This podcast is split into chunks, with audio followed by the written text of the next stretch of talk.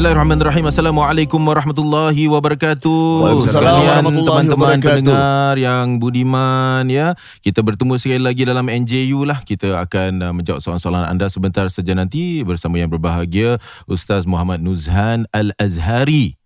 Hmm? Uh, dan kira ada belajar Azhar apa Al-Azhari lah Oh, is kasih it? dan uh, juga Okay. bersama teman-teman kita kita ada Razi, Zar dan juga saya sendiri Din Rahim Zar akan, Al Sinmin. Yeah. Dulu ya. ah, dulu saya sekolah Sinmin. Yeah. Ya. Ataupun apa nama tempat pun boleh. Oh, uh, hmm. Al Enkeville. Razia Al-Kibiri Al-Pungguli eh, Al Punggul. uh, Nuzhan uh, Ustaz Nuzhan Al uh, Kau tinggal mana? Uh, Al-Pasirisi Al-Paris uh, Aku punya paling tak style Al-Amukyoyi Al Amokyo. Okey dan uh, uh, podcast ini bukan khas untuk anda oleh uh, barangan-barangan daripada NJU, produk-produk NJU. Anda boleh check it out dekat www www.nju.sg garis miring shop. And now it's on to the show.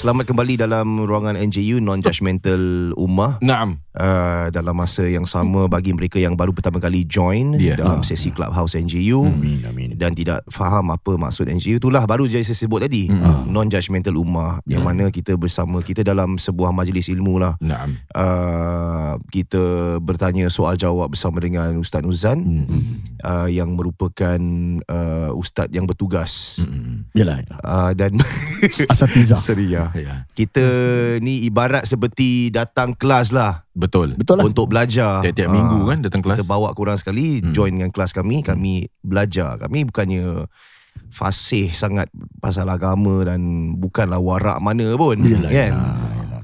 cuma nak belajar je lah Betul. ha, jadi Ustaz Nuzan ni merupakan seorang naib kadi di Singapura dah berapa tahun Ustaz? Uh, 10. 10 tahun, 10 eh, tahun, eh. kadi dah berapa dah, dah berapa orang Ustaz kahwinkan? Uh, saya rasa baru jejak ribuan lah belum sampai ribuan. 10 ribuan. baru ribuan eh Hmm. wow Wow. Fuh, Pahala belum lah. belum pahala lah. puluhan ribu belum lah. Jadi Hmm. di di registry tersebut ada yang sejak 30 lebih tahun jadi naib kadi dan kadi itu Old mereka dah lah. menjangkau Hmm. puluhan ribu. Okay. Oi. Masya Allah. Dan beliau juga seorang uh, board member eh Hmm. dalam uh, majlis uh, ulama Ya. Persatuan Ulama Singapura ni di Hmm. Pergas Hmm. dan juga merupakan imam eksekutif di Masjid Ar-Rabitah Hmm. dan merupakan uh, ustaz selalu merupakan uh, khatib Hmm. uh, Jumaat lah. Ya ya Solat Jumaat eh Hmm. di mimbar Masjid Ar-Rabitah. Allah ada pakcik-pakcik kasih feedback eh. Hmm. Weh, Apa? Ini, ini ini Ustaz Nuzan eh. Even bapak mentua aku bercakap. Hmm. Ini Ustaz Nuzan ni kan. Ah, wah, dia kalau kasih dia kalau kasih khutbah eh, Hmm. orang terbangun lah. Of course lah. Tak Ya. ngantuk ah. Yang tukang baca innallah siapa? Bilal. Oh Bilal, Bilal, Bilal. Bilal, Bilal. Sorry, sorry. Hmm. Tu aku nak try pergi course tu aku dah cakap dengan Ustaz Nuzan that time. Boleh. Belum ada masa je Ustaz Tapi saya Boleh. memang cuba usahakan InsyaAllah Ustaz boleh. Boleh. InsyaAllah Boleh. Uh, Eh, tak kos payah kos. Bilal, kos Bilal tak ada masa. Gym hari-hari ada masa. Eh Tak ada lat-lat juga Gym ni lat-lat Tak boleh Gym lah ni dunia je. Yalah. Ah. Nak Ya. bina Kos badan Bilal lah akhirat. Malah Pasal pasal kalau cakap pasal kekuatan ni Dajjal dah keluar. Dah confirm ke dia Euphrates Dah kering ni Fred, eh. Mukmin qawi khairun wa ahabbu ila Allah minal mukmin dhaif kata Ah. Nabi SAW. Orang yang mukmin yang kuat lebih baik di sisi Allah daripada mukmin yang lemah. Tapi maksud kuat itu selain daripada fizikal, uh, kuat antaranya adalah Mental kuat lah. menanggung uh, ujian, kuat Oh. uh, mental, Hmm. kuat emosi dan sebagainya lah. Betul. Uh, jadi memang azan ni perlu kekuatan juga Zee. Hmm. Uh, kekuatan suara Allah dah anugerahkan suara yang indah ni Allah Ha, kerana Nabi sebut atwalu unuqan yaumal qiyamah. Esok di akhirat antara ganjaran orang yang muazzin ni kerana menyahut uh, memanggil memanggil orang untuk masuk waktu. Muazzin ni orang yang beritahu orang untuk hayya 'alas solah, mentauhidkan Allah, syahadu la ilaha illallah kan semua. Yeah, yeah. Jadi dia di hari akhirat itu mendapat satu gelaran dan juga mendapat satu martabat yang tinggi. Uh, Ha, cuma kalau kita perhatikan Rasul sallallahu alaihi wasallam tidak pernah azan. Nabi SAW Oh. Itu bukan sunnah Nabi Itu Oh. sunnah sahabat-sahabat lah Hmm. Kenapa antara sebab Kalau ulama kata Kalau Nabi azan Kita tak sahut pada masa ketika itu tu Hmm. mungkin satu dosa kan Hmm. dan ada alasan-alasan lain lah kerana syariat ini melalui mimpi Sayyidina Umar bin Khattab radhiyallahu anhu. Ah, jadi ah, Nabi SAW mengambil peranan imam ah, bukan muazzin Jadi hukum azan ni apa? Kalau tak azan kira dosa tak? tak tak dosa Tak dosa. Kita tahu Sunnah. waktu solat contoh Zuhur 1 1.15 contoh. Hmm. Okey, jadi 1.15 kalau tak azan Mm-mm. itu tak jadi apa-apalah. Azan Tidak. cuma nak cakap eh dah Mm. masuk waktu. Itu saja Ya, kan. Azan adalah satu syiar. Bermakna Hmm. kalau kita azan di setiap pelusuk muka bumi ni kita sedang membantu uh, merealisasi, merealisasikan Hmm. ada yang sedang menyebut nama Allah. Kita kat Ah, sini kat betul. Malaysia kat Johor Hmm. 116 Hmm. dekat Terengganu 118. Jadi setiap Okey. masa sebenarnya dilaungkan kalimah Allah. Di samping kita nak dapat berkat fadilat doa tadilah. Bila Right. kita azan, kita jawab, Hmm. kita akan dapat Allahumma rabbah hadhihi da'wati tamma doa tersebut, Hmm. kita akan dapat syafaat Nabi sallallahu alaihi wasallam. Dan kalau kita kat rumah, rumah Hmm. kita akan uh, terselamat daripada gangguan-gangguan bila Hmm. kita azan. Kalau kita dekat uh, masjid, kalau kita dekat luar kita azan, uh, orang lain berpeluang untuk dapat pahala dan saksi yang baik di akhirat. Uh, jadi itu satu syiar yang barakah lah insya-Allah untuk azan. Okey, baik. Uh, kita nak teruskan dengan soalan daripada Silakan. DM eh. DM dari NTU. Ah, Ada soalan okey, pendengar silakan kita. Dengan soalan Baik, silakan. Baik. Uh, Din Din, ah, ya. silakan dengan soalannya Din. Baik, terima kasih. Baik, baik. Macam mana orang dulu solat sebelum Nabi Muhammad SAW? Salam. Mereka ikut kitab yang mana? Itu soalan yang pertama ya. Torah lah. Ah, ini Tak ada, kira tak ada, tak ada. sejarah ya. Ya, Kita ya, kembali sejarah. dengan sejarah lah. Ya, ya. Itu soalan yang pertama. Yang kedua, lecturer saya dulu ketika saya belajar, kata umur umat Nabi Muhammad SAW takkan sampai 1500 tahun. Hmm. Persoalan saya, betul ke takkan sampai? Siap ada pengiraan lagi. It will be end by 2030-ish. Bukankah itu semua rahsia Allah SWT? Soalan nombor dua 2030, biar eh? biar Zal jawab. Zal kasih. Dia Apa kata dia? lagi 1500. Dah habis. Apa hadis? Ya. Apa hadis? Siapa yang Ah, tahu ini- ni? Suka-suka je cakap macam ni. Ni hak Allah. Ini dia cakap lecturer saya. Wah, dia dah Yelah, lecturer itu- itu ada yang juga. lah mungkin. Apa kau fikir semua lecturer betul? Ah. Hmm. Ya. Jadi harap dapat menjawab. Terima kasih Okey. dengan soalan tadi. Okey. Jadi soalan yang nombor satu dulu eh. Ya. Dia cakap pasal solat. Hmm. Solat ini disyariatkan bukan hanya di zaman Nabi sallallahu alaihi wasallam. Ya. Bahkan bahkan kewajipan solat dengan dengan uh, bila Nabi sebut uh, sallu kama raaitumuni usalli sembahyanglah seperti mana kau lihat aku sembahyang. Ya. Padahal pada tahun-tahun kenabian di Mekah lagi Hmm. Nabi sallallahu alaihi wasallam sudah solat walaupun uh, kewajipan solat itu bukan pada ketika tersebut. Jadi Ya. pada zaman Nabi je ada fasa solat. Uh, Fasa sebelum menjadi kewajipan Hmm. kepada semua, uh, fasa yang Nabi sallallahu alaihi wasallam saja. Di situ saja dah ada perbezaan cara sembahyang. Baik. Ada sebahagian ulama menyebut bila Nabi Isra dan Mi'raj itu apabila peristiwa Isra Mi'raj sebelum hijrah itu bila dapat kefarduan solat, di situ diperkenalkan rukuk. Hmm. Ha, jadi solat yang dahulu tidak ada rukuk. Jadi solat tu definisinya apa? Secara bahasa definisinya berdoa, ya. Antaranya bila orang berdoa dia menyembah Allah. Umat-umat terdahulu mereka ada satu tempat khusus saja untuk mereka solat. Aha. Mereka tak boleh solat di mana-mana sahaja mereka berada. Uh, sebab Nabi sallallahu alaihi wasallam sebut dalam sebuah hadis waju'ilat liyal ardu masjidan wa tahura Hmm. dijadikan antara uh, apa uh, khamsun yu'tahunna ahadun uh, lam yu'tahanna ahadun qabli antara lima perkara yang tak pernah diberikan sebelum umat terdahulu sebelum aku adalah aku dijadikan muka bumi aku ni mana-mana je boleh sembahyang. Ya. Fa ayyuma imra'atan min ummati adrakat shalah falyusalli. Mana-mana umat aku yang ada masuk waktu solat sembahyang. Jadi bermakna umat terdahulu dia ada tempat-tempatnya tersendiri. Ya. Uh, seperti apa tempat pengibadahannya, tempat Ya. apa uh, tabuts eh dalam bahasa Arab tabuts ataupun uh, dalam bahasa Arab uh, ini bila Nabi Nabi Isa punya nenek tu Hmm. uh, Hannah Ali Imran dia kata dalam al-Quran apa inni nazartu laka ma fi batni muharraran Hmm. ya Allah aku nak dalam perut aku ni aku nak jadikan orang yang devote themselves dekat tempat pengibadahan jadi pada zaman dahulu satu bezanya kalau orang tanya dia adalah tempat khusus Hmm. cara kaifiah dia uh, ada macam-macam cara eh tidak ada sandaran yang tepat Nice. jadi mereka ikut kitab wahyu yang diturunkan pada masa nabi-nabi tertentu Hmm, wallahu alam okay. Hmm. soalan kedua eh Soalan kedua. Soalan kedua. Yang kedua ni Yang apa ni 1500 cakap ni? pasal ya. oh uh, Okay. the year uh, apa tu umur Umur. uh, umat 1500 tu. um, apabila ada sandaran nombor selalunya itu tidak ada hadis yang sahih menyatakan tentang sandaran Hmm. lagi berapa tahun. Hmm. Paling-paling Nabi sebut kita adalah berada pada akhir zaman dan itu interpretasi para ulama saja. Hmm. Jadi tidak ada satu apa orang kata kemestian eh untuk kita yakini tapi memang tanda-tanda kiamat sudah ada. Cuma ada pernah ajaran sesat yang disesatkan di Singapura sendiri mereka letakkan 2012 ini akan berlaku kiamat. Oh the, the 20, Wyans 12. The Ah, dah, Wyans dah kemarin lah, kemarin dah 2012 terlepas. tu lah. Ya, The, kemarin. the Wyans tu lah Apa Wayans? Dia Mayans eh apa Apa yang Apa cerita Bukan Apa? ini ajaran sesat bro Mayans lain bro Mayans, apa? Yang 2012 tu lain eh Oh tu cerita eh. Ya.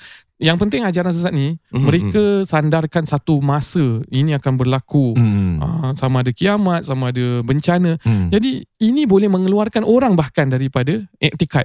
hmm. Bila kita sudah dapat memastikan bila-bila benda ini berlaku. Ya, ni semua rahsia Tuhan kan. Ah, dan ya. dan bila tan- tentang kiamat ni Nabi sallallahu alaihi wasallam bila ditanya bila mata mata taqumus saah Hmm. Nabi tak jawab bila Nabi se- sebut apa yang bertanya lebih tahu daripada yang ditanya maksudnya Sayyidina Jibril pada hadis Sayyidina Jibril Hmm. dan dalam riwayat yang lain bila sahabat tanya bila berlaku hari kiamat Nabi Hmm. sebut ma'adatalah apa Hmm. yang kau siapkan untuk kiamat Hmm. ha, Nabi tak bilang berapa tahun berapa ribu tahun lagi ha, itulah sedikit sebanyak Ni fahaman yai eh oh you dah terus research eh Apa tu Oh ni, Ni eh. ajaran sesat ni, Alah. Oh dia letak date Satu eh? ketika Ada dahulu, date eh? eh. Ni buat tak block dia Bawa HDB block tu kan Tak tahulah Okay. Tak lah, tidak yang, yang penting ada satu uh, kelompok mereka pastikan bila Hmm. berlaku bencana, berlaku kiamat Hmm. dan bukan kerana itu mereka disesatkan. Mereka disesatkan kerana sebab-sebab lain juga tapi itu antara ciri-ciri eh untuk kalau orang dah boleh cakap bila berlaku kiamat Hmm. itu bukan red flag lah tapi uh, itu antara ciri-ciri bahawa bukan ajaran yang tepat lah. Okey. Baik, mungkin kita nak nak ambil panggilan macam mana uh, Boleh, boleh, Tuan. Razi. Boleh kita akan teruskan angkat panggilan Ya. um, Cik Razi silakan Cik Baik Razi. ya. Um, baiklah, terima kasih sekali lagi kepada semua yang sudi angkat tangan untuk um, mungkin bertanya kepada yang berbahagia Ustaz Nuzan. Hmm. Um, kita akan teruskan dengan Sufian terlebih dahulu. Assalamualaikum Sufian Sabari. Assalamualaikum Sufian Sabari. Assalamualaikum. Waalaikumsalam. Silakan. Wah, panggilan daripada mana Sufian? Uh, daripada Punggul. Okey, Hmm. teruskan dengan soalannya, silakan.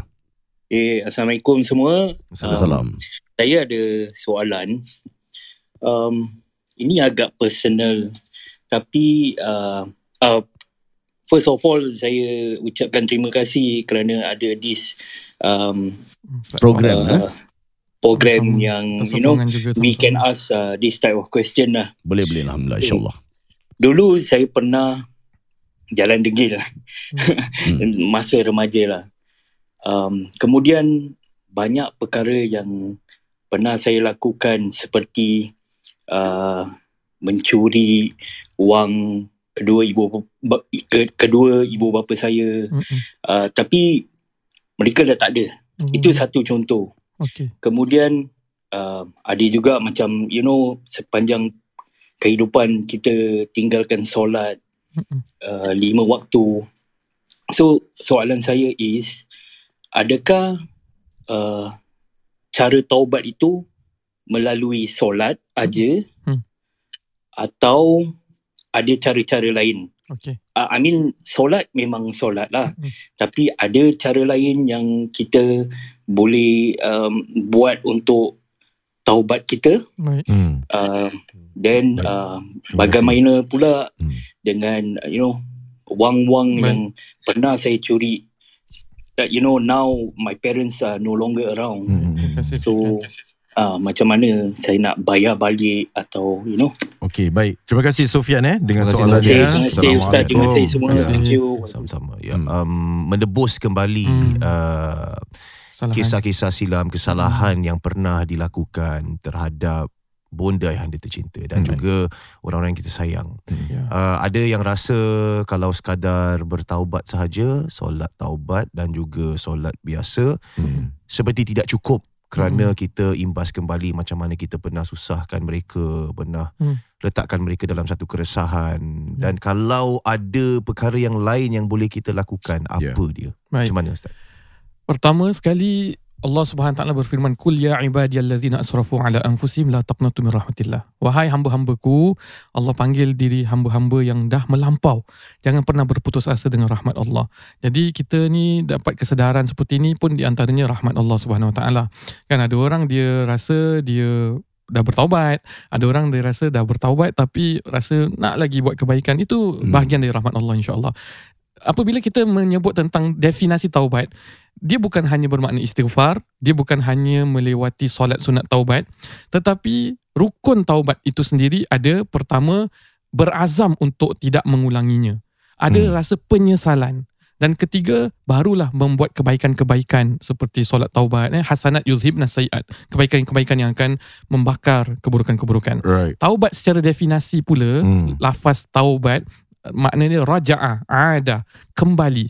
Maknanya taubat bukan pengampunan tapi taubat adalah kembali kepada Allah. Kembali Hmm. daripada segala larangan kepada apa yang Allah perintah. Kembali Hmm. daripada jauh dengan Allah kepada dekat dengan Allah. Itu makna kembali. Ha, come to Allah eh. Ha, selalu orang uh, kurang uh, mengerti definisi ini. Jadi kalau dia bersangkutan dengan hak Adam ataupun anak-anak Adam manusia, kalau pada Allah SWT dosa-dosa kita tinggal sembahyang dan sebagainya, kita qada, kita taubat Mhm. kan tapi kalau dia bersangkutan dengan manusia kita pernah kutuk hina pernah fitnah ibu bapa kita kita pernah resahkan sakiti ataupun curi duit maka kita kena raddul mazalimi ila ahliha kata ulama. Hendaklah apa benda yang bentuk zalim itu kita kembalikan kepada yang empunya. Kalau curi duit duit itu dikembalikan. Kalau dalam keadaan kita buat dosa kita minta maaf kalau fitnah. Tapi sekarang ibu bapa sudah Tak sudah Dia tak tak ada Macam mana start macam itu eh jadi kalau ibu bapa tak ada, duit-duit mereka pertamanya itu kalau kita rasa perlu, kalau banyak lah eh, uh, dan dan adik-beradik yang lain semua konon-konon ataupun ada warisan daripada duit-duit tersebut, uh, kita boleh kasih adik-beradik juga.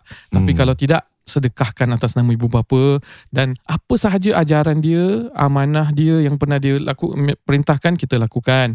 Kalau kita ada masa nak wakafkan ada harta, wakaf atas nama dia, sedekah atas nama dia. Tapi juga yang paling penting adalah kita senantiasa mohonkan pengampunan atas diri mereka. Hmm. Kata ulama ini memang ini legit eh ramai orang dah tanya. Para ulama pun mereka tanya. Ulama pun menjawab kita nak tebus orangnya tidak ada. Jadi kita tak tahu sama ada dia redha atau tidak redha. Tapi yang pastinya adalah se- seorang anak senantiasa memohonkan pengampunan kerana di akhirat ataupun sekarang ni mereka yang sudah tidak ada ibu Hmm. bapa tidak ada apa-apa lagi yang bernilai. Hmm, hmm. Mereka harapkan doa, harapkan pahala, harapkan amal yang dikirim Baik. dan itu sangat benda yang bernilai dan moga-moga itu mendapatkan pengampunan daripada mereka juga. Hmm, hmm. InsyaAllah. Baik Baik. So nak kat call lagi satu Macam mana Uh, boleh, mari Boleh, kita eh? angkat Kita call lagi. Kita. kita angkat call lagi. Bila kita ya. teruskan dengan um, Kaish Hmm? Silakan Kaish Shh. Oh, ejaan dia gitu Assalamualaikum. eh? Ha? Ejaan dia eh? Ya Hello, Assalamualaikum. Kaish. Hello? Kaish ada di sini Okey, kalau tak ada tak apa kita Ya. teruskan dengan dengan orang lain Amira. Assalamualaikum Amira Fatihah Azman. Assalamualaikum. Waalaikumsalam. Amira, ya. Ah, dengar Ya, dengar. Dengar. Baik, buat panggilan di mana ni Amira? ah, ah, saya Amira dari Temerloh, faham? Hmm. Ah, Silakan ah, Amira ah. dengan uh, soalannya. Ah, saya ada kawan dia bukan Islam. Mm-mm. Lepas tu dia, dia tanya, ah, kan dalam Islam ada lima rukun Islam kan? Mm-mm. Tapi kenapa dalam lima rukun Islam tu tak ada tutup aurat? Hmm. Lepas tu saya tak tahu nak jawab macam mana. Okey, Saya boleh. macam, ah, ha, ah. Boleh, Lepas Amira. tu uh, satu lagi saya nak tanya uh, kalau uh, menstrual cycle kita kan ustaz kan Mm-mm. uh, dia tak berhenti 30 hari tu dia tak dia, tak, dia keluar je dia tak berhenti ah Hmm. macam mana macam tu ah Baik, tu je terima kasih Baik, terima kasih. Terima kasih Amira soalannya ya. Saya tengok orang Pahang tengok ikan patin eh. Hmm. Hmm. Ha. Sangrung tu lauk dia yang favourite tu ikan Pahang. Orang Ni Pahang. dia mana? Pahang eh? Pahang. Hmm. Pahang. Kalau. Pahang ni saya lazim pergi ke Jerantut. Oh. Pahang nama-nama pelik-pelik ada janda baik, ada apa lagi ada. Nah, janda baik ya, Saya pernah pergi janda baik tu Ah, ada Saya cerating. 10 hari naik apa Gunung Tahan. Oh, Oh, Masuk yang tu, hutan. Apa tu yang dipanggil apa tu 13 anak sungai saya renangi. oh. Apa Sini nama Hampir kum- hanyut. Nama kumpulan apa tu Al-Iktibar. Ah. jemaah Dah tak ada lagi ayahnya. dah kumpulan dah. Dah jadi Breeze Kakis Oh, dia ikut peredaran zaman. Bagus. Dah tak style dah nama kumpulan dia Yelah, Dulu Kak. style Ada penukaran dah. Dulu muda, tengah kuat lagi. Tiba sangat semangat eh. Al-Iktibar. Dulu nama Fierce Al-Iktibar Semua paci-paci Ah. Sampai lintas pun dah reda Ustaz. Baik, Maaf silakan Baik. 13 anak sungai eh. 13 juga eh aku kena renang. Aku hampir aku hampir hanyut. Engkau yang Aku hampir Oh, hanyut. betul, betul. Ha, kau ingat senang benda ni? Terima kasih, terima kasih buat panggilan ni dari Pahang ni. Ya, ya. Untuk bertanya lima rukun Hmm. Okey Kalau kawan-kawan kita yang kurang jelas Ha. Apabila mereka kata Apa pasal tak ada tutup aurat Cakap dengan dia bukan tutup aurat je tak ada Mencuri pun tak ada Ha, ha. uh, Zina pun tak cakap kat situ Hmm. Minum arak pun tak cakap kat situ Banyak benda tak cakap Dari Hmm. segi kewajipan Sedekah pun tak cakap kat situ Hmm. uh, Tapi sedekah bukan wajib Kan kalau zakat Zakat wajib uh, Ada je benda-benda yang wajib Yang masih perlu kita letakkan Jadi apa jawapan dia Jawapan dia adalah This is requisite Requisite tu maknanya rukun. Sesuatu kalau tidak ada rukun, benda tu tak jadi. Ah, macam Hmm. rukun negara. Hmm. Kalau tak ada rukun-rukun negara ni, dia tak jadi. Seperti rukun nikah. Saya kasih gambaran gini. Hmm. Rukun nikah, kalau tak ada suami, tak ada bakal suami, tak ada bakal isteri, Hmm. tak ada wali, tak ada saksi. Dua. Tak jadi rukun nikah tu. Hmm. Walaupun ada hantaran, walaupun ada mas kahwin, Tak ada walaupun orang, benda- Ah, tak ada orang. Ah, jadi yang merukunkan agama itu sendiri, yang Hmm. menjadikan agama seseorang itu beragama ada li- li- lima perkara ni. Hmm. Manakala kalau aurat seperti tudung, seandainya dia tidak menutupi aurat, itu tidak mengeluarkan dia daripada agama kerana dia tidak melanggar rukun-rukun tersebut. Ah. Jadi kewajipan-kewajipan ada yang requisites, ada yang uh, bukan apa syarat utama seseorang itu menjadi Ya. orang Islam. Ya, ya. Okey. Kalau pakai tudung dah jadi rukun, kira yang tak pakai tudung tu dah keluar Terkeluar orang Islam, ah. Islam. ah. Jadi dia tidak Hmm. membatalkan agama Ya. rukun. Ha, jadi kalau seseorang tu tak habis Ustaz, kalau seseorang tu tak apa tak zakat, adakah dia terkeluar agama? Hmm. Kalau dia menyatakan bahawa zakat itu tak wajib, terkeluar. Hmm. Ah, see. kalau dia dia beriktikad zakat itu tidak wajib, zakat harta atau zakat Hmm, fitrah. hmm. Ah, terkeluar. Tapi kalau dia tak buat, dia tak buat adakah dia terkeluar? Seperti solat itu terkeluar. Kalau orang kata uh, solat itu Tak wajib. sebahagian ulama dia cakap jangan cakap tak wajib, dia tak buat solat pun Hmm. ada ulama kata terkeluar daripada agama juga. Hmm. Sebab itu itu jadi apa integrals and Hmm. requisites eh. Hmm. Itu boleh kita ceritakan dekat teman-teman. Hmm. Mungkin uh, mereka cakap uh, ini rukun tapi dalam agama ada yang nama rukun, ada yang nama kewajipan-kewajipan. Hmm. Kedua mengenai apa? Dia punya Oh, menstrual. Ah, menstrual. Okey. 30 hari 30 betul. hari. Baik. Ah. Dalam uh, hukum menstrual ni dalam mazhab Imam Syafi'i Hmm. ni kita tahu kalau tujuh hari uh, kalau aqallul haid yaum wa lailah. Paling sesikit-sikitnya haid itu satu hari satu malam. Hmm. Kalau dia ada spotting aja dalam berapa jam saja itu tak dikira haid. Dia bersihkan solat seperti biasa, puasa seperti biasa. Hmm. Tapi kalau paling lama pun mengikut penelitian ulama, mengikut uruf dan juga adat setempat semua 14-15 hari. Kalau seandainya kita sampai 30 hari, kita ambillah apa yang kita lazimnya biasa kita diri kita diri kita kalau daripada awal kita lahir apa awal kita pernah uzur memang 30 aja kita ambil yang paling maksimum Hmm. 15 hari Selebih daripadanya tetap solat itu namanya darah istihadah. Bersihkan dan ambil wuduk seperti biasa. Oh, dan okay. valid satu solat. Terus solat je. Terus solat je. Hmm. Itu istihadah. Tapi kalau seandainya kita pada usia-usia tertentu ataupun sesekali je 30 hari. Dia Hmm. bukan all the way 30 hari. Dia ada hari biasa punya apa Hmm. cycle. Tapi ada hari tiba-tiba 30 ah. Kita ambil kebiasaan hari kita berapa, selebihnya kita anggap darah istihadah.